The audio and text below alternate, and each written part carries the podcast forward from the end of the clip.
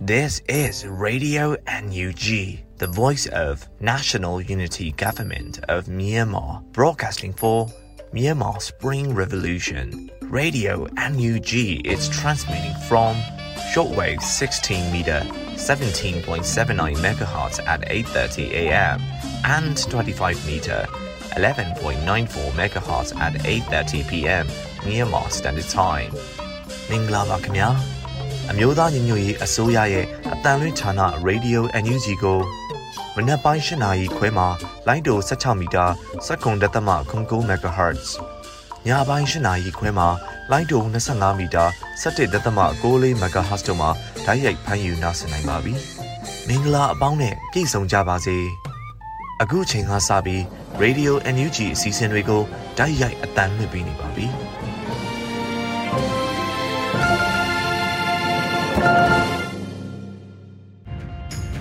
မြန်မာနိုင်ငံသူနိုင်ငံသားအပေါင်းတဘာဝပြီးစစ်အာဏာရှင်တွေတို့ကနေကင်းဝေးပြီးကိုစိတ်နှပြကျန်းမာချမ်းသာလို့ဘေးကင်းလုံခြုံကြပါစေလို့ Radio NUG ဖွဲ့သူဖွဲ့သားတွေကဆုတောင်းမြတ်တာပို့သလာရပါတယ်ရှင်။အခုချိန်ကစပြီးကာကွယ်ရေးဝန်ကြီးဌာနရဲ့စီရေးသတင်းအကျဉ်းချုပ်ကိုຫນွေဦးမောင်ကဖတ်ကြားတင်ပြပေးမှာဖြစ်ပါတယ်ရှင်။စစ်ကောင်စီနဲ့တိုက်ပွဲဖြစ်ပွားမှုသတင်းများကိုတင်ဆက်ပေးပါမယ်။ ကရင်နီကရားပြည်နယ်တွင်ဇန်နဝါရီ24ရက်နေ့ကဓမောဆုံမြို့နယ်ငားမြောင်းလန်း9မိုင်နဲ့6မိုင်အနီးတွင်စစ်ကောင်စီနှင့်ပြည်သူ့ကာကွယ်ရေးတပ်များကြားတိုက်ပွဲပြင်းထန်ခဲ့ပြီးစစ်ကောင်စီဘက်မှရဟတ်ရင်တုံးကစစ်တပ်နှင့်ပစ်ခတ်ခဲ့ကြောင်းသိရသည်ဇန်နဝါရီ23ရက်နေ့ကဓမောဆုံမြို့နယ်စံပြ6မိုင်ကျေးရွာအုပ်စုဟိုဖိတ်ကျေးရွာနဲ့စိုက်ကွင်းနှစ်ကျေးရွာတို့တွင်စစ်ကောင်စီတပ်များနှင့် KNDF PDF တို့ဆယ်နာရီကြာတိုက်ပွဲဖြစ်ပွားခဲ့ကြောင်းသိရသည်။ စကိုင်းတိုင်းတွင်ဇန်နဝါရီ24ရက်နေ့နေ့လယ်3:18မိနစ်ခန့်ကဒဇယ်မြို့နယ်ကန်တူးမစံပြကျေးရွာရဲစခန်းမှထွက်လာသောစစ်ကောင်စီတပ်သားနှင့်ရဲအင်အား15ဦးပါလိုက်ထရက်ကိုပြည်သူ့ကာကွယ်ရေးအဖွဲ့ဒဇယ်ကမိုင်းဆွဲတိုက်ခိုက်ခဲ့ရာကားနောက်ပိုင်းထိခိုက်ပျက်စီးခဲ့သည်ဇန်နဝါရီ24ရက်နေ့မနက်10:45မိနစ်ခန့်ကဘူးတလင်မြို့နယ်ရုံတော်ကျေးရွာအဝင်လမ်းတွင် မုံရွာမှပြန်လာသောစစ်ကောင်စီတပ်သား15ဦးခန့်ပါကားတစ်စီးကိုပြည်သူ့ကာကွယ်ရေးအဖွဲ့ဘူးဒလင်ကမိုင်းဆွဲတိုက်ခတ်ခဲ့ပြီးမိနစ်20ကြာထိတ်တိုက်တိုက်ပွဲဖြစ်ပွားခဲ့ရာစစ်ကောင်စီတပ်သား3ဦးသေဆုံးပြီးအများအပြားဒဏ်ရာရရှိခဲ့သည်ပြည်သူ့ကာကွယ်ရေးအဖွဲ့ဝင်2ဦးဒဏ်ရာရရှိမစိုးရိမ်ရကြောင်းပါခင်ဗျာဇန်နဝါရီ24ရက်နေ့မနက်9နာရီခန့်ကရေဦးမြို့နယ်တမာတော်ကျေးရွာမှထွက်လာသောစစ်ကောင်စီစစ်ကြောင်းကိုပြည်သူ့ကာကွယ်ရေးအဖွဲ့ရေဦးကမိုင်းဆွဲတိုက်ခိုက်ခဲ့သည် ဇန်နဝါရီ23ရက်နေ့ကမုံရွာမြို့နယ်မုံရွာမြို့မှာစံတက်လာသောစစ်ကောင်စီထောက်ပို့ရရင်များကိုမူတော်ရွာနှင့်ညောင်ပင်ဝန်းရွာကြားတွင် KLG PDF, MBDF, Golden Triangle Forces, MK The Boys အဖွဲ့တို့မှပူးပေါင်းတိုက်ခိုက်ခဲ့ရာသုံးပွင့်အရာရှိတအုပ်နှင့်တပ်သား9ဦးသေဆုံးခဲ့သည်။မကွေးတိုင်းတွင် ဇန်နဝါရီ23ရက်မနက်9နာရီခန့်ကငဖဲမြို့နယ်ရှိအမှတ်905အမြောက်စစ်စင်ရေးကုတ်ကဲမှုဌာနချုပ်အတွင်းသို့ Triangle 3D PDF မှအဝေးပစ်စိန်ပြောင်းဖြင့်နှစ်ချက်ပစ်ခတ်ခဲ့သည်စစ်ကောင်စီကျူးလွန်သောရာဇဝတ်မှုများကိုတင်ဆက်ပေးပါမယ်။မွန်ပြည်နယ်တွင်ဇန်နဝါရီ24ရက်နေ့မနက်6နာရီခန့်က ကြိုင်မယောမြို့နယ်တောင်ကလေးကျေးရွာအုပ်စုကြာအင်းခွေတွင်ဟိုက်ဂျက်ကားတစ်စီးနဲ့လူငယ်သုံးကိုချောင်းနှခွတရားလုံခြုံရေးစစ်ကောင်စီတပ်သားရဲနဲ့ BGF ပူးပေါင်းအဖွဲ့များကကားမှန်များရိုက်ခွဲပြီးရိုက်နှက်ဖမ်းဆီးခဲ့သည်။ရန်ပြည်နယ်တွင်ဇန်နဝါရီ23ရက်နေ့ည9:00နာရီခန့်ကကြောင်မဲမြို့နယ်ကြောင်မဲမြို့ရက်ကွက်ခုနှစ်တန်လန်းအနီးနေထိုင်သောဒေသခံတအူးကိုစစ်ကောင်စီများကလာရောက်ဖမ်းဆီးပြီးလပ်တော့နှင့်ဖုန်းများကိုတင်စီသွားခဲ့သည်။ စကိုင်းတိုင်းတွင်ဇန်နဝါရီ24ရက်နေ့မနက်10:50မိနစ်ခန့်ကမြောင်မြို့နယ်ဘူးကိုင်းကျေးရွာရှိဒေသခံတအူပိုင်နေအိမ်ကိုစစ်ကောင်စီများကမီးရှို့ဖျက်ဆီးခဲ့သည်ဇန်နဝါရီ24ရက်နေ့ကမြောင်မြို့နယ်ဆဲရွာအဝင်တွင်ဒေသခံတအူးကိုစစ်ကောင်စီများကတနက်ဖြစ်ပစ်ခတ်ခဲ့သောကြောင့်ဝမ်ပိုက်ထိခိုက်ဒဏ်ရာရရှိခဲ့ပြီးစေကူတာမှုခံယူနေရသည်။ မကွေးတိုင်းတွင်ဇန်နဝါရီ23ရက်နေ့မနက်ပိုင်းကရေစကြိုမြို့နယ်ရေလဲကျွန်းဒေသမင်းရွာရှိပြည်သူပိုင်နေအိမ်များကိုစစ်ကောင်စီတပ်သားများနဲ့နယ်မြေခံပြူစောထီးများမှဝင်ရောက်ဖျက်ဆီးပြီးအိမ်များအတွင်းရှိရွှေငွေစားတောက်ကုန်နဲ့တံမိုးကြီးပစ္စည်းများကိုလူရက်ခိုးယူသွားခဲ့သည်မန္တလေးတိုင်းတွင်ဇန်နဝါရီ24ရက်နေ့ကမြင်းချံမြို့နယ်အမှတ်9ရပ်ကွက်ကျူကျူးအထယ်ဆိုင်မှဒေသခံ2ဦးကိုအချမ်းဖတ်စစ်ကောင်စီများကဖမ်းဆီးခဲ့သည်။ အေယာဝတီတိုင်းတွင်ဇဇန်နဝါရီ23ရက်နေ့နေ့လယ်ပိုင်းကငွေဆောင်မြို့နယ်ခွဲဘုံမောင်ချိုင်ရွာသား14ဦးကိုစစ်ကောင်စီသတင်းပေးများကမဟုတ်မမှန်သတင်းပေးသောကြောင့်စစ်ကောင်စီများလာရောက်ဖမ်းဆီးခဲ့ပြီးငွေဆောင်မြို့မှရဲစခန်းကိုခေါ်ဆောင်သွားကြောင်းနဲ့နောက်ထပ်မတရားဖမ်းဆီးမှုများထပ်မံပြုလုပ်မည်ကိုဒေသခံပြည်သူများစိုးရိမ်လျက်ရှိကြောင်းသိရသည်။တနင်္သာရီတိုင်းတွင်ဇန်နဝါရီ23ရက်နေ့ညနေ9:35မိနစ်ခန့်က ဘိတ်ခရိုင်ပလောမြို့နယ်ပဝတ်ဖျားရွာရှိနေအိမ်ရှိတွင်စက်ကောင်စီများထောင်ခဲ့သည့်မိုင်းထီကဂဝင်းတဲ့အမျိုးသမီးတဦးနှင့်တားဖြစ်သူ6နှစ်အရွယ်ကလေးငယ်သေဆုံးခဲ့ကြောင်းသိရသည်။မှတ်ချက်မြေပြင်သတင်းတာဝန်ခံများနဲ့သတင်းဌာနများမှဖော်ပြလာသောအချက်အလက်များအပေါ်အခြေခံပြုစုထားပါသည်။ကျွန်တော်ကတော့ຫນွေဦးမောင်ပါ။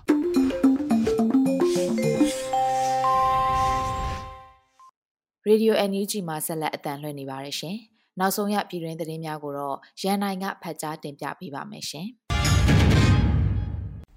မင်္ဂလာပါခင်ဗျာ။ခုချိန်ဆပြီးရေဒီယို NUG မနက်ခင်းသတင်းတွေကိုဖတ်ကြားတင်ပြပေးပါတော့မယ်ခင်ဗျာ။အခုတင်ပြပေးမယ့်သတင်းတွေကတော့ရေဒီယို NUG သတင်းတာဝန်ခံတွေနဲ့ခိုင်လုံတဲ့မိဘသတင်းရင်းမြစ်တွေကအခြေခံထားတာပဲဖြစ်ပါတယ်။ကျွန်တော်ကတော့ရန်နိုင်ပါ။ကုလသမဂ္ဂကမ္ဘာ့စားနပ်ရိက္ခာအစီအစဉ် WFP နဲ့ NUG စုရတို့က စစ်ဘေးရှောင်များကိုကူညီပေးနေတဲ့သတင်းကို တင်ဆက်ပေးပါမယ်။စစ်အာဏာသိမ်းပြီးတဲ့နောက်အကြမ်းဖက်ဖြစ်ရများကြောင့်မြန်မာနိုင်ငံနေရာအနှံ့ပြားရှိအကူအညီလိုအပ်နေတဲ့သူများထံယခုထက်ပိုမိုပြီးအထောက်ပံ့များတိုးမြင့်ပေးရနိုင်ရေးဟာ2022ခုနှစ်အတွက်အဓိကဦးစားပေးလုပ်ငန်းတစ်ခုဖြစ်တဲ့အကြောင်းကုလသမဂ္ဂကမ္ဘာ့စားနပ်ရိက္ခာအစီအစဉ် WFP ကထုတ်ပြန်ထားပါတယ်။ မြန်မာနိုင်ငံရှိပဋိပက္ခနဲ့အကြမ်းဖက်မှုတွေကြောင့်ထိခိုက်ခံစားခဲ့ရတဲ့မိသားစုများနဲ့အကူအညီလိုအပ်တဲ့သူများကို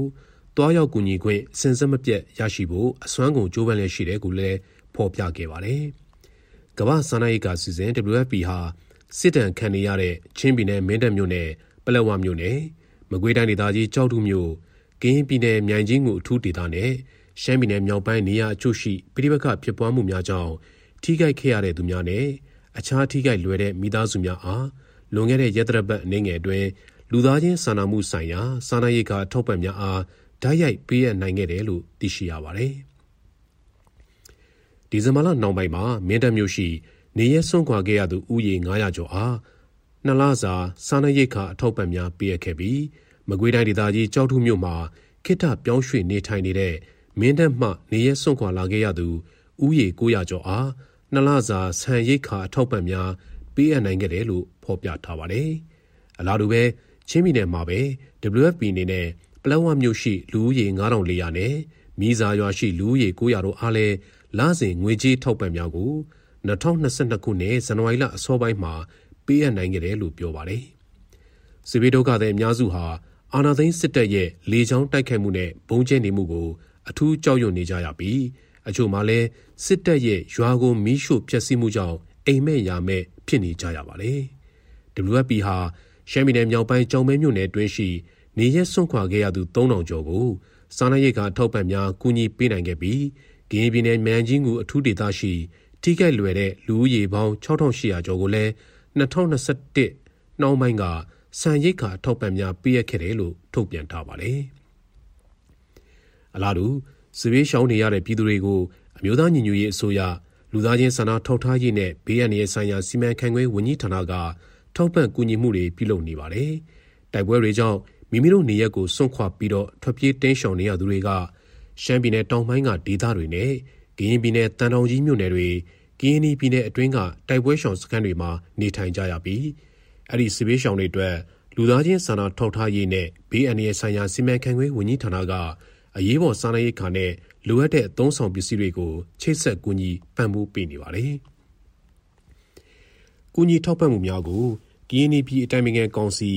KSCC အပါအဝင်ဒေသခံမိဘတိုင်းရင်းသားဖွဲ့တွေနဲ့ပူးပေါင်းပြီးတော့လှုပ်ဆောင်နေတာဖြစ်ပြီးဇန်နဝါရီလ၁ရက်နေ့ကနေ24ရက်အထိစုစုပေါင်းကျပ်သိန်း990ကျော်အထိပံ့ပိုးကူညီထားပြီးဖြစ်တယ်လို့လည်းသိရပါတယ်။ဒါပြင်တိုက်ပွဲရှောင်ပြည်သူတွေရဲ့လိုအပ်ချက်တွေကိုလည်းဆက်လက်ထောက်ပံ့သွားမှာဖြစ်ကြောင်း အမျိုးသားညီညွတ်ရေးအစိုးရလူသားချင်းစာနာထောက်ထားရေးနဲ့ဘေးအန္တရာယ်ဆိုင်ရာစီမံခန့်ခွဲဝန်ကြီးဌာနကသတင်းထုတ်ပြန်ထားပါတယ်ခင်ဗျာ။ကယားပြည်နယ်ပြည်သူ့ကာကွယ်ရေးတပ် DMO PDF လှုပ်ရှားနေပြီမှာဆေးရုံငယ်တစ်ခုကိုဖွင့်လှစ်နိုင်ခဲ့တဲ့သတင်းကိုလည်းတင်ဆက်ပေးပါောင်းမယ်။ဒီမော့ဆိုမြို့နယ်အတွင်းမှာခါနန်လိုအမည်ပေးထားတဲ့ဆေးရုံတရုံကိုဇန်နဝါရီလ24ရက်နေ့ကပြည်သူ့ကာကွယ်ရေးတပ်များကဖွင့်လှစ်ခဲ့ကြတာဖြစ်ပါတယ်။ ပြည်သူလူထုကိုကျန်းမာရေးထိထိရောက်ရောက်စောင့်ရှောက်မှုပေးနိုင်မှုအခုလိုဆေးရုံကိုဖွင့်လှစ်ခဲ့ကြောင်းဆေးရုံတာဝန်ခံတူကပြောပါတယ်။ကျွန်တော်တို့ကင်းအားပြည်နယ်အတွင်းမှာစစ်ကောင်စီတပ်နဲ့ဒေသခံပြည်သူ့ကာကွယ်ရေးတပ်တွေကြားတိုက်ပွဲတွေပြင်းပြင်းထန်ထန်ဖြစ်ပွားနေတယ်။ဒီတော့ပြည်သူလူထုတွေဟာစစ်ဘေးရှောင်နေကြရလို့ကျန်းမာရေးစောင့်ရှောက်မှုမရကြဘူးဖြစ်နေတယ်။ဒီတော့ပြည်သူတွေလိုအပ်နေတဲ့ကျန်းမာရေးစောင့်ရှောက်မှုကိုထိထိရောက်ရောက်ပေးနိုင်ဖို့ခါနန်ဆေးရုံကိုဖွင့်လှစ်ရတာပါလို့ပြောခဲ့ပါတယ်။ကြရပြည်နယ်ဟာ အကြမ်းဖက်စစ်ကောင်စီတပ်များရဲ့ကြီးတက်လေတက်အမြောက်တက်တင်ကားတက်တွေတုံးကအင်အားအလုံးရင်းနဲ့ထိုးစစ်ဆင်မှုကိုခံနေရတဲ့ဒေသဖြစ်ပါတယ်။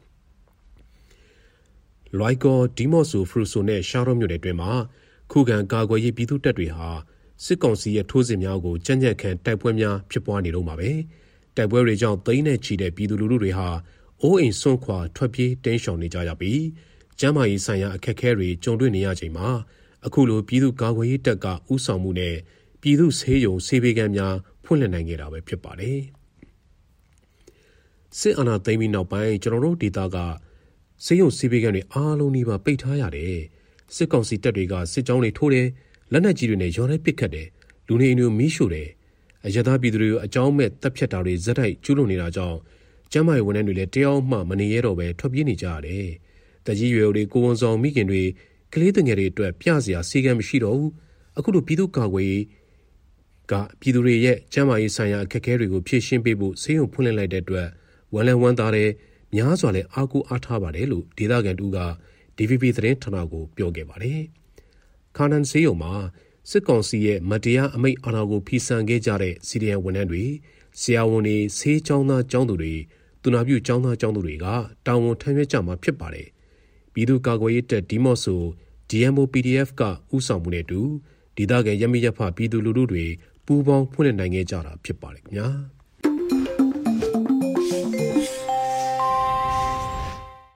ဆက်လက်ပြီးပြည်သူခုခံတော်လှန်စစ်တရင်တွေကိုတော့ຫນွေဦးလင်းကဖတ်ကြားတင်ပြပေးထားပါတယ်ရှင်။ဒီမော့ဆိုဟိုဖိတ်နဲ့စိုက်ကွက်နဲ့ခြေရများတွင်စစ်ကောင်စီတပ်နှင့်ကင်ဒီတပ်ဖွဲ့ကြားဆယ်နာရီကြာတိုက်ပွဲဖြစ်ပွားခဲ့တဲ့တဲ့ရင်ကို ဥစွာတင်ဆက်ပါမယ်။ကရင်ပြည်နယ်ဒီမော့ဆိုမြို့နယ်စံပြ6မိုင်ခြေရအုပ်စုဟိုဖိတ်ခြေရနဲ့စိုက်ကွက်နဲ့ခြေရများပတ်သို့အကြမ်းဖက်စစ်ကောင်စီတပ်ကစစ်ကြောင်းထိုးလာပြီးကရင်ပူးပေါင်းတပ်ဖွဲ့နဲ့ယမနေ့ဇန်နဝါရီ23ရက်နေ့တွင်စင်နိုင်နီးပါးတိုက်ပွဲဖြစ်ပွားပြီးစစ်ကောင်စီတပ်ကအများပြည်သူနေများကိုမီးရှို့ဖျက်ဆီးခဲ့ပါတယ်။နှစ်ဖက်တိုက်ပွဲသည်နနက်၈နာရီမှည6နာရီထိကြာမြင့်ခဲ့ပြီးစစ်ကောင်စီဘက်မှထိခိုက်ကြဆုံးမှုများကြောင်း KNA ပူးပေါင်းတပ်ဖွဲ့ဘက်မှရဲဘော်တအူမစိုးရိမ်ရတန်ရာရရှိကြောင်း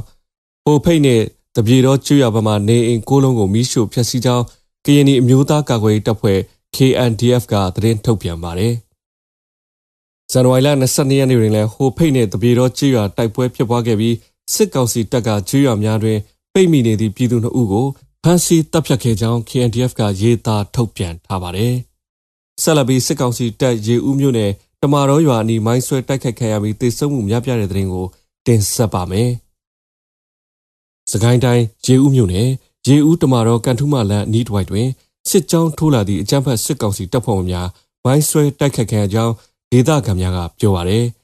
အဆိုပါမိုင်းဆွဲတိုက်ခိုက်မှုကိုရေဦး PDF အဖွဲ့ကလှုပ်ဆောင်ခဲ့ခြင်းဖြစ်ပြီးယနေ့နနက်9:40မိနစ်အချိန်ခန့်ကမိုင်းဆွဲတိုက်ခိုက်ခံခဲ့ရခြင်းမှာ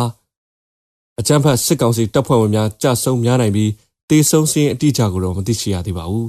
။မိုင်းဆွဲတိုက်ခိုက်ခံရတဲ့အကြမ်းဖက်စစ်ကောင်စီဝင်များလက်နက်ကြီးများနဲ့ရန်တမ်းပစ်ခတ်နေပြီးအနီးနားကျွေးရရှိဒေသခံများပုန်းရှောင်နေကြရပြီးပေကြီးရွာရှိနေအိမ်နှလုံးကိုလည်းအကြမ်းဖက်ဖျက်ဆီးခဲ့တယ်လို့ဒေသခံများကဆိုပါတယ်။ဆက်လက်ပြီးအရာတော်တွေလည်းစစ်ကားနှစ်စီးမိုင်းဆွဲခံရပြီးပြူစောထီတဦးသေဆုံးတဲ့တဲ့ရင်ကိုတင်ဆက်ပါမယ်။ဇန်နဝါရီလ23ရက်နေ့နနက်6နာရီဝန်းကျင်တွင်စကိုင်းတိုင်းအရာတော်မြို့နယ်အောင်သာကုန်းကျွော်မှ ဖောကားနှစ်စီးဖြင့်ရှေ့ထွက်လာသောစစ်ရင်တန်းကိုကြောက်စရိတ်ကံရွာနှင့်ဝါရောင်းကျွော်ကြားတွင်နှစ်ကြိမ်မိုင်းဆွဲတိုက်ခိုက်ခဲ့ကြောင်းသိရှိရပါသည်။အရာတော်မြို့နယ်အောင်သာကုန်းချီရွာမှာထွက်လာသောစစ်သားနှင့်ပြူစောထီးများပါလာသည့်ဖော်ကားနှစ်စီးနှင့်ရှေ့ကားအားဝါရောင်းချီရွာနောက်ဖက်တွင်ပရိသာမိုင်းလေးလုံးဖြင့်တစ်ချိန်တည်းတိုက်ခိုက်ခဲ့ရာဝါးနှပြန်လောက်အကွာတွင်ကားထိုးရက်သွားခဲ့ကြောင်းစစ်သားများကထိုနေရာမှတနက်ဖြစ်ဒရဆက်ပြက်ခတ်ခဲ့ကြောင်းထို့နောက်ပြူစောထီများက မိုင်းဆွဲခံရသောကားကိုအနောက်မှပါလာသောကားဖြင့်ချိတ်ဆွဲ၍ကြောက်စရကန်ရွာဘက်သို့ပြန်လာတွင်ပရိသာမိုင်းနှလုံးတူမီရှိရွက်လက်နက်ကြီးဖြင့်ထပ်မံတိုက်ခတ်ခဲ့ကြောင်းပြူစောထီတူဒဏ်ရာများဖြင့်ဖမ်းမိတော်လဲထွက်ပြေးရန်ကြံစီသဖြင့်ပြစ်တက်လိုက်ရကြောင်းသိရှိရပါသည်။အဆိုပါစစ်စင်ရေးကိုတပင်းညိုပျောက်ကြားတပ်ဖွဲ့အရာတော်ဘုံနိုင် PDF ABN PDF ဗရမ ्या ညီနောင်ပျောက်ကြားတပ်ဖွဲ့တို့မှဥဆောင်၍ Knights of the Redland KORL ပျောက်ကြားတပ်ဖွဲ့ အရာတော် Falcon Fox AF2 MRTF တပ်ဖွဲ့ The Guys of Burma Revolution Force GBRF ညီနောင်ရှစ်ဖွဲ့တို့မှပူးပေါင်းလှုပ်ဆောင်ခဲ့ကြောင်းသိရှိရပါတယ်။ဆက်လက်ပြီး Radio NUG ကြပြအစီအစဉ်မှာဇလက်သွေးရေးဖွဲ့ထားတဲ့ချစ်ရတဲ့မိသူဆိုတဲ့ကြပြကိုຫນွေဦးမိုးကခန်းစားရွတ်ဖတ်ပေးထားပါတယ်ရှင်။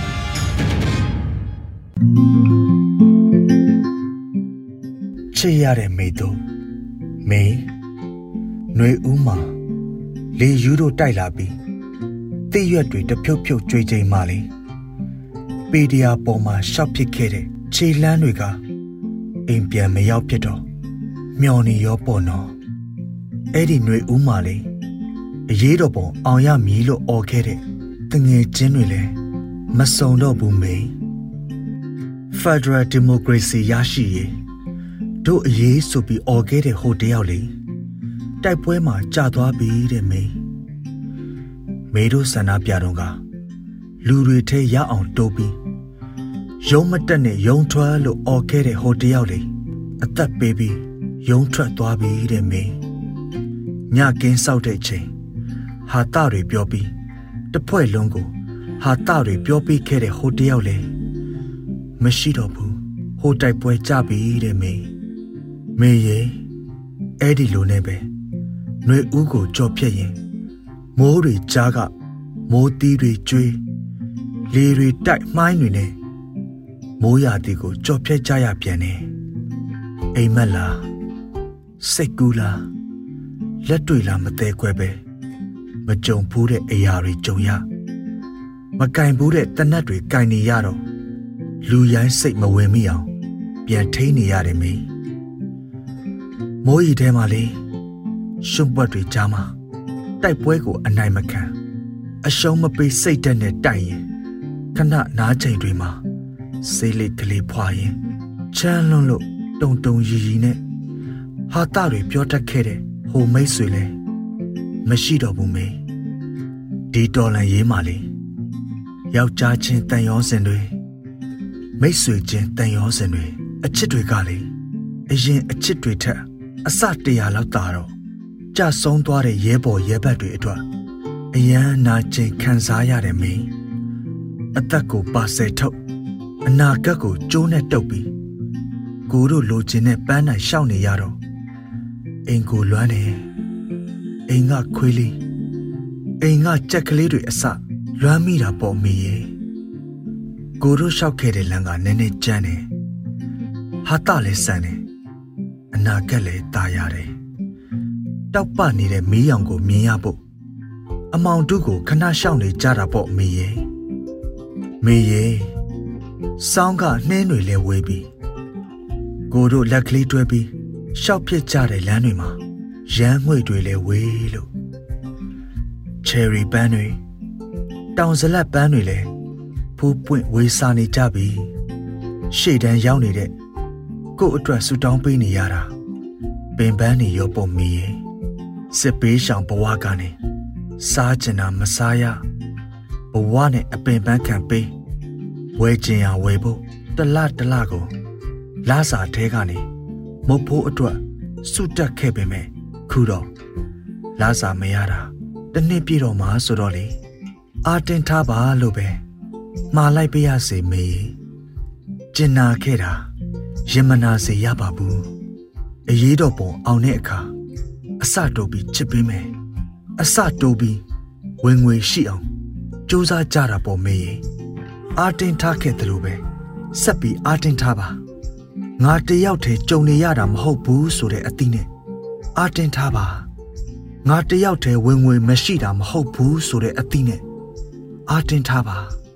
ငါတယောက်တည်းစစ်ပေးရှောင်နေရတာမဟုတ်ဘူးဆိုတဲ့အသီးနဲ့ အာတင်ထားပါပန်းရနံ့တွေအရင်လိုမှွေးဖို့ရမ်းရနံ့တွေရှိမှရမယ်မငိမ့်ချမ်းသေးတာနဲ့ကြုံရမှငိမ့်ချမ်းတဲ့အရာတွေတွေ့ရမယ်လိုတာရှိလို့မလိုအပ်တာတွေဖြစ်လာတာအရေးတော်ပုံအောင်ရမည်ကွာအာတင်ပြီးအတူဆက်ချီကြတာပေါ့မင်းရေဇလက်သွေးမင်းတက်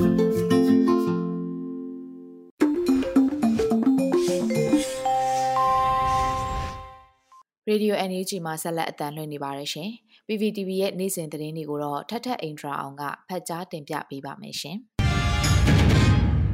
အခုပထမဆုံးတင်ဆက်ပေးမယ့်သတင်းကတော့ကိုရီးယားနိုင်ငံစီးပွားရေးနဲ့လူမှုအတိုင်းအဝန်သုတေသနကောင်စီဥက္ကဋ္ဌနဲ့ NUG နိုင်ငံသားရေးဝန်ကြီးတို့အကြားတွေ့ဆုံဆွေးနွေးမှုတွေပြုလုပ်ခဲ့တဲ့ဆိုတဲ့သတင်းမှာအမျိုးသားညီညွတ်ရေးအစိုးရတောင်ကိုရီးယားသမ္မတနိုင်ငံဆိုင်ရာကိုယ်စားလှယ်ရုံးရဲ့စီစဉ်မှုနဲ့မြန်မာဒီမိုကရေစီတော်လှန်ရေးမှာ တောင်ကိုရီးယားနိုင်ငံပူးပေါင်းပါဝင်နိုင်မဲ့အခမ်းကဏ္ဍနဲ့ပတ်သက်ပြီးတော့အွန်လိုင်းဆွေးနွေးပွဲကိုဇန်နဝါရီလ23ရက်နေ့ညနေ4နာရီခွဲမှာပြုလုပ်ခဲ့ပါတယ်။ဆွေးနွေးပွဲကိုကိုရီးယားသမ္မတနိုင်ငံဝန်ကြီးချုပ်ရုံးလောက်မှရှိတဲ့နိုင်ငံတော်စီးပွားရေးနဲ့လူမှုအတိုင်းအဝန်သုတေသနကောင်စီဥက္ကဋ္ဌမစ္စတာချောင်ဟေကူနိုင်ငံတော်သမ္မတရုံးမူဝါဒပိုင်းဆိုင်ရာစီမံရေးကောင်စီကြံပေးပမောက္ခမစ္စတာဘာအွန်ဟွန် အမျိုးသားညီညွတ်ရေးအစိုးရနိုင်ငံသားရေးဝန်ကြီးဌာနပြည်ထောင်စုဝန်ကြီးဒေါ်စင်မအောင်ဒုဝန်ကြီးဦးမိုးစောဦးကိုရီးယားနိုင်ငံဆိုင်ရာကိုယ်စားလှယ်ဦးရန်နိုင်ထွန်းနဲ့ရုံးအဖွဲ့ဝင်တွေတက်ရောက်ခဲ့တယ်လို့အန်ယူဂျီနိုင်ငံသားရေးဝန်ကြီးဌာနကဆိုပါတယ်။တနင်္ဂနွေခွဲကြာကျင်းပခဲ့တဲ့ဆွေးနွေးပွဲမှာဥက္ကဋ္ဌမစ္စတာဂျောင်ဟဲကူက လက်ရှိမြန်မာဒီမိုကရေစီတော်လှန်ရေးမှာနိုင်ငံတကာအခြေအနေတွေနဲ့ပူးပေါင်းပါဝင်မှုတွေတောင်ကိုရီးယားအစိုးရအနေနဲ့ပါဝင်ဆောင်ရွက်နိုင်မဲ့အခမ်းကဏ္ဍတွေမေးမြန်းတာကိုဝန်ကြီးတွေကအသေးစိတ်ရှင်းလင်းပြောကြားတာအပြင်ပါမောက္ခမစ္စတာဘာအွန်ဟွန်က တောင်ကိုရီးယားနိုင်ငံအနေနဲ့ NUG အစိုးရဘက်ကိုအင်အားဖြည့်ပူးပေါင်းပါဝင်နိုင်မဲ့နီလန်းတွေကိုအကြံပြုတာနဲ့အတူအပြန်အလှန်ဆွေးနွေးမှုတွေကိုရင်းနှီးနှွေးထွေးစွာပြုလုပ်ခဲ့ကြတယ်လို့ NUG နိုင်ငံသားရေးဝန်ကြီးဌာနရဲ့ထုတ်ပြန်ချက်အရဖော်ပြထားတာကိုတွေ့ရပါတယ်။ဆက်လက်ပြီးစကိုင်းမှာအထူးကွန်မန်ဒိုတင်နန်းစင်ပွဲကိုကာကွယ်ရေးဝန်ကြီးဦးရင်မွန်တုံ့လှပေးပို့ခဲ့တဲ့ဆိုတဲ့သတင်းကိုတင်ဆက်ပေးပါမယ်။ စကိုင်းခရိုင်တရင်အမှတ်3အထူးကွန်မန်ဒိုစစ်ပညာတင်နန်းစင်ပွဲကိုဒီကနေ့မှပြုလုပ်ခဲ့ရမှာအမျိုးသားညီညွတ်ရေးအစိုးရကာကွယ်ရေးဝန်ကြီးဌာနပြည်ထောင်စုဝန်ကြီးဦးရီမွန်ကတဝန်လွှာပေးပို့ခဲ့ပါတယ်။စကိုင်းခရိုင်တရင်အမှတ်3ကစကိုင်းတိုင်းတွင်စစ်ရေးလှုပ်ရှားမှုတွေနဲ့အကြမ်းဖက်စစ်ကောင်စီကိုခုခံဆင်နွှဲနေတဲ့အဖွဲ့လေးဖြစ်ပါတယ်။ စကိုင်းတိုင်းကအကြမ်းဖက်စစ်ကောင်စီရဲ့အုပ်ချုပ်ခွင့်လုံးဝမရတဲ့ဒေသတစ်ခုဖြစ်ပြီးတော့ PDF တွေနဲ့ပြည်သူ့ကာကွယ်ရေးတပ်ဖွဲ့ပြည်သူ့အုပ်ချုပ်ရေးအဖွဲ့တွေအောက်ကောင်းတဲ့ဒေသတစ်ခုလည်းဖြစ်ပါတယ်။အခုတင်ဆက်ပေးမယ့်သတင်းကတော့ American နိုင်ငံ San Francisco မှာ NUG ဘွန် American Dollar 2,900ကျော်ရောင်းချခဲ့ရတဲ့ဆိုတဲ့သတင်းမှာအမေရိကန်နိုင်ငံဆန်ဖရန်စစ္စကိုမှာဒီကနေ့မနက်ကအမျိုးသားညီညွတ်ရေးအစိုးရရဲ့ငွေတိုက်စာချုပ် NUG ဘွန်ကိုရောင်းချခဲ့ရမှာ အမေရိကန်ဒေါ်လာ2,900,9100ကျော်ရောင်းချခဲ့ရပါတယ်။အမျိုးသားညီညွတ်ရေးအစိုးရငွေတိုက်စာချုပ် NUG ဘွန်ကိုငွေသားတီးတန်းနဲ့ပဲရောင်းချခဲ့တာဖြစ်ပြီးတော့မနက်ဖြန်ကြရင်လည်းမနက်10:00နာရီကနေပြီးတော့3:00နာရီအထိဆန်ဖရန်စစ္စကိုနဲ့နီဝေါ့မြို့မှာရောင်းချအောင်မှာဖြစ်တယ်လို့ဆိုပါတယ်။ ဘာရှုပ်ထွေးမှုမှမရှိဘဲအပီးစီးဆောင်ရွက်ပေးမှာမို့ဖောင်မဖြည့်တဲ့သူများနီးပညာအားနည်းတဲ့သူတွေအနေနဲ့အလွယ်တကူဝယ်ယူနိုင်ပါတယ်။ဆန်ဖရန်စစ္စကိုနဲ့အနီးတစ်ဝိုက်မှာမြန်မာအစားအစာတွေနဲ့ဘုံဝယ်ယူခြင်းသူတွေကိုအားပေးခြင်းသူတွေကြောက်ရောက်ဖို့ဖိတ်ခေါ်ပါတယ်လို့ဆန်ဖရန်စစ္စကိုမှာငွေတဲ့စာချုပ်ရောင်းချသူတအူးကပြောပါတယ်။ဒီရက်ပိုင်းထဲမှာအမျိုးသားညီညွတ်ရေးအစိုးရငွေတဲ့စာချုပ် NUG ဘုံကိုဝယ်ယူပေးကြဖို့အတွက်လည်းတိုက်တွန်းထားတာတွေ့ရပါတယ်။ စီမံကိန်းဗဏ္ဍာရေးနဲ့ယင်းနှိမ့်မြုံနှံမှုဝန်ကြီးဌာနကလည်းဒီနေ့မှာငွေတဲ့စာချုပ်ကိုယ်စားလှယ်စီရင်တွေကိုအသစ်ထပ်မံဖြည့်သွင်းပြီးထုတ်ပြန်လာတာတွေ့ရပါတယ်။ဒီလိုအသစ်ထုတ်ပြန်လာတဲ့အထက်မှာပဲကျင့်ညာဖို့သဘောတူထားတဲ့ငွေတဲ့စာချုပ်ကိုယ်စားလှယ်တွေကိုသာဖော်ပြထားတာဖြစ်ပြီးတော့လုံခြုံရေးအရာလူမှုကွန်ရက်တွေမှာကျင့်ညာဖို့အခက်အခဲရှိတဲ့ငွေတဲ့စာချုပ်ကိုယ်စားလှယ်တွေလည်းရှိနေသေးတာကြောင့် စိတ်ချယုံကြည်ရတဲ့ကျင်ညာချင်းမရှိတဲ့ငွေတိုက်စာချုပ်ကိုယ်စားလှယ်တွေထံမှလည်းချိတ်ဆက်ဝယ်ယူနိုင်တယ်လို့ဆိုထားပါတယ်။အခုဆက်လက်ပြီးတင်ဆက်ပေးမယ့်သတင်းကတော့ Binstat အစည်းအဝေးကိုတက်ဖို့အကြံဖက်စစ်ကောင်စီကိုဖိတ်ကြားထားပြီးတော့ဒီလိုဖိတ်ကြားထားလို့အိန္ဒိယနဲ့ဘင်္ဂလားဒေ့ရှ်ကအစည်းအဝေးတက်ရောက်မဲ့အကြောင်းအတိမပြုသေးဘူးဆိုတဲ့သတင်းကိုတင်ဆက်ပေးပါမယ်။ တိရိလင်္ကာနိုင်ငံမှာလက်ခံကျင်းပမဲ့ဒေတာရင်ပူးပေါင်းဆောင်ရွက်ရေးအဖွဲ့ဘင်းစတက်ရဲ့၅ချိန်မြောက်နိုင်ငံခေါင်းဆောင်များထိပ်သီးအစည်းအဝေးကိုမတ်လ30ရက်မှာပြုလုပ်မှာဖြစ်ပြီးအဲ့ဒီအစည်းအဝေးကိုတက်ရောက်ဖို့အကြမ်းဖက်စစ်ကောင်စီကိုခွင့်ပြုပေးလိုက်တယ်လို့ဘင်္ဂလားဒေ့ရှ်မီဒီယာတွေကဖော်ပြခဲ့ပါတယ်။ဘအဲ့ဒီလိုကဘာကရောအာဆီယံကပါလက်မခံတဲ့အကြမ်းဖက်စစ်ကောင်ဆောင်ကိုဖိတ်ကြားထားတဲ့အတွက်အိန္ဒိယနိုင်ငံနဲ့ဘင်္ဂလားဒေ့ရှ်နိုင်ငံတွေကအစည်းအဝေးကိုတက်ရောက်မဲ့အကြောင်းအတိမပြုသေးဘူးလို့လည်း Justice for Myanmar ကဖော်ပြထားပါတယ်။ ဘင်စတာဖွဲ့ဝင်နိုင်ငံများအစိုးအဖွဲ့မှာအိန္ဒိယ၊နီပေါ၊ဘူတန်၊ဘင်္ဂလားဒေ့ရှ်၊မြန်မာ၊ထိုင်းနဲ့တိရိလင်္ကာနိုင်ငံတို့ပါဝင်ပြီးတော့အုပ်ချုပ်ရေးယုံကဘင်္ဂလားဒေ့ရှ်နိုင်ငံမှာရှိနေတာပါ။ဘင်စတက်ထိပ်သီးအစည်းအဝေးမှာပြည်ညံကိုအတီးပြုဖို့ရှိပြီးတော့နီးပညာလွှဲပြောင်းပေးအပ်တာဥပဒေရေးရာအထောက်အကူပေးအပ်တာတွေနဲ့တန်တမန်ရေးရာသင်တန်းကိစ္စရပ်တွေမှာသဘောတူညီမှုတွေချမှတ်မှဖြစ်တဲ့အတွက်အရေးပါတဲ့အစည်းအဝေးတရက်ဖြစ်နိုင်ပါတယ်လို့သုံးသပ်ထားကြပါတယ်။ 2021ခုနှစ်ဇွန်လမှာဘင်းစတက်စီမံအုပ်ချုပ်ရေးရုံးကဘင်းစတက်နေ့အတွက်ခေါင်းဆောင်တွေရဲ့သတင်းစကားများကိုထုတ်ပြန်ခဲ့ပါတယ်။အဲ့ဒီထုတ်ပြန်ချက်ထဲမှာမင်းအောင်လှိုင်လည်းပါဝင်ခဲ့ပြီးလေးစားအပါသောမြန်မာနိုင်ငံနိုင်ငံတော်စီမံအုပ်ချုပ်ရေးကောင်စီဥက္ကဋ္ဌနိုင်ငံတော်ဝန်ကြီးချုပ်လို့ရည်ညွှန်းဖော်ပြခဲ့တယ်လို့ Justice for Myanmar ကထောက်ပြထားပါတယ်။ ဒါ့အပြင်ဒီဇင်ဘာလအတွင်းမှာစစ်ကောင်စီတပ်များပူးပေါင်းပါဝင်တဲ့ Binstat စီရေးလေ့ကျင့်မှုတွေကိုအိန္ဒိယနိုင်ငံကလက်ခံကျင်းပခဲ့တယ်လို့လည်း Justice for Myanmar ကဝေဖန်ထားပါတယ်။သတင်းမှန်တွေသိမှဆိုရင်လို့ဖုန်းဆင်းကတ်တွေကိုမှတ်ပုံတင်ကြီးဆိုပြီးငွေနှစ်သားတိုးမြင့်ကောက်ခံနေတဲ့အကြမ်းဖက်စစ်ကောင်စီကအခုဆိုရင်လည်း VPN အသုံးပြုပြီးအင်တာနက်သုံးရင်1003နှစ်ချလို့ရတဲ့ဥပဒေချမ်းကိုအတိပြုဖို့ကြိုးစားလာနေတယ်ဆိုပြီးသတင်းရင်းမြစ်တွေကဆိုထားပါတယ်။ အကြမ်းဖက်စစ်ကောင်စီရဲ့မတရားမှုတွေကိုပြည်သူလူထုကနှီးပညာနဲ့တုံ့ပြန်တဲ့အပေါ်မှာကြောက်ရွံ့ပြီးတော့အခုလိုမျိုးဥပဒေချမ်းနဲ့လှုံ့ဆော်လာတာဖြစ်တယ်လို့လွှတ်တော်ကိုယ်စားလှယ်ဟောင်းလည်းဖြစ်ဘလော့ဂါတယောက်လည်းဖြစ်တဲ့ကိုနေဖုံးလက်ကပြောပါတယ်။ဆက်လက်ပြီးတော့ကိုနေဖုံးလက်ကဒီလိုလှုပ်လာတာကလည်းနှီးပညာခင်မှာသူတို့ရဲ့တရားမဝင်အာဏာလုယူမှုနဲ့အကြမ်းဖက်မှုတွေကိုပြည်သူလူထုကနှီးပညာနဲ့အကောင်းဆုံးတုံ့ပြန်တော်လှန်ကြမယ်ဆိုတာကိုမှန်းဆမိလို့ဖြစ်နိုင်ပါတယ်လို့ရေးသားထားတာတွေ့ရပါတယ်။ အကြမ်းဖက်စစ်ကောင်စီအနေနဲ့လူအခွင့်အရေးချိုးဖောက်မှုတွေကိုပျောက်ပျောက်တင်းတင်းလှုပ်ဆောင်နေတာဖြစ်ပြီးတော့အခုလိုပြည်သူလူထုရဲ့ဤပညာဆိုင်ရာရပိုင်ခွင့် digital rights တွေကိုချိုးဖောက်ပြီးတော့ internet လွတ်လပ်ခွင့်ကိုပါထိပါစော်ကားတဲ့လုပ်ရက်ကလည်းလူအခွင့်အရေးချိုးဖောက်မှုတစ်ခုဖြစ်ပါတယ်။ ပြည်သူလူထုတရလုံးညီညီညွတ်ညွတ်နဲ့ဆင်နွှဲပြီးတော်လှန်ရေးကိုများစွာအထောက်အကူပြုနေတဲ့ဤပညာတပည့်ရဲ့ထိုးနှက်ချက်တွေကအကြမ်းဖက်စေအုပ်စုကိုဘလောက်တောင်အထိနာနေစေတယ်လဲဆိုတာဒီဥပဒေမူချက်မှာထည့်သွင်းရေးဆွဲထားတဲ့ပြစ်မှုပြစ်ဒဏ်တွေကတက်တည်ပြနေပါတယ်လို့ကိုနေဖုံးလက်ကထောက်ပြထားပါတယ်။ ဥပဒေကြမ်းရဲ့အခန်းဆက်ခွန်ပုံမှန်80မှာမိသူမဆိုသက်ဆိုင်ရာပုဂ္ဂိုလ်ရဲ့ခွင့်ပြုချက်မရှိဘဲလူပုဂ္ဂိုလ်တဦးတယောက်ရဲ့ကိုယ်ရေးဆိုင်ရာအချက်အလက်တွေကိုတနည်းနည်းဖြင့်စီမံခန့်ခွဲခြင်းသို့မဟုတ်အလွဲသုံးစားပြုလုပ်ခြင်းဖြစ်ကြောင်းပြစ်မှုထင်ရှားစီရင်ခြင်းခံရသည့်ထို့သူကိုအနည်းဆုံးတစ်နှစ်မှအများဆုံး၃နှစ်အထိထောင်ဒဏ်ဖြစ်စေကျပ်သိန်း90ထက်မပိုတဲ့ငွေဒဏ်ဖြစ်စေဒဏ်ရလုံးဖြစ်စေချမှတ်ရမယ်လို့ဖော်ပြထားတာကိုတွေ့ရပါတယ်။ ပြည်သူတွေဘက်ကကိုရေးဆိုင်ရာအချက်လက်တွေကိုထုတ်ဖော်ရေးမိရင်တော့အပြစ်ရှိပြီးအကြမ်းဖက်စစ်ကောင်စီကလှုပ်ချင်တာလှုပ်ခွင့်ရှိအောင်အခန်း6ပုံမှန်73မှာချွင်းချက်တွေပေးထားတာကိုလည်းတွေ့ရပါတယ်။အင်တာနက်သုံးစွဲသူတယောက်ရဲ့ဖုန်းထဲမှာ VPN ခန့်သုံးထားပြီးဆိုတာနဲ့1300နှစ်ချ350ဒဏ်ရိုက်နိုင်တဲ့အနေအထားပါပဲ။အခုလက်ရှိအချိန်ဒီမှာလည်းအကြမ်းဖက်စေအုပ်စုကလူမှုကွန်ရက်တွေအင်တာနက် website တွေများစွာကိုဘန်ထားတဲ့အပြင်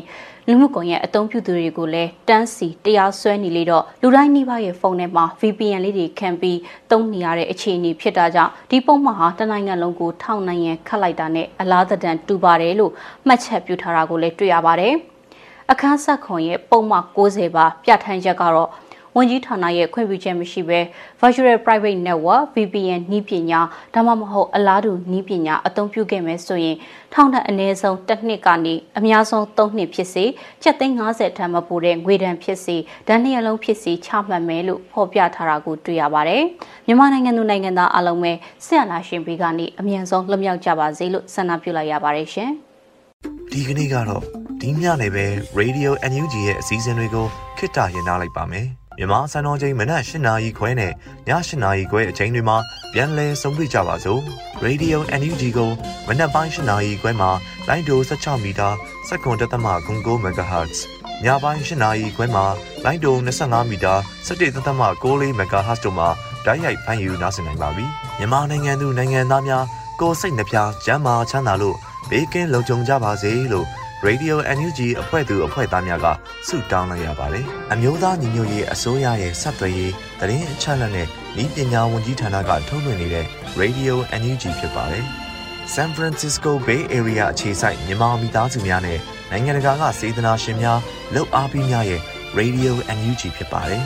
။အရေးတော်ပုံအောင်ရမည်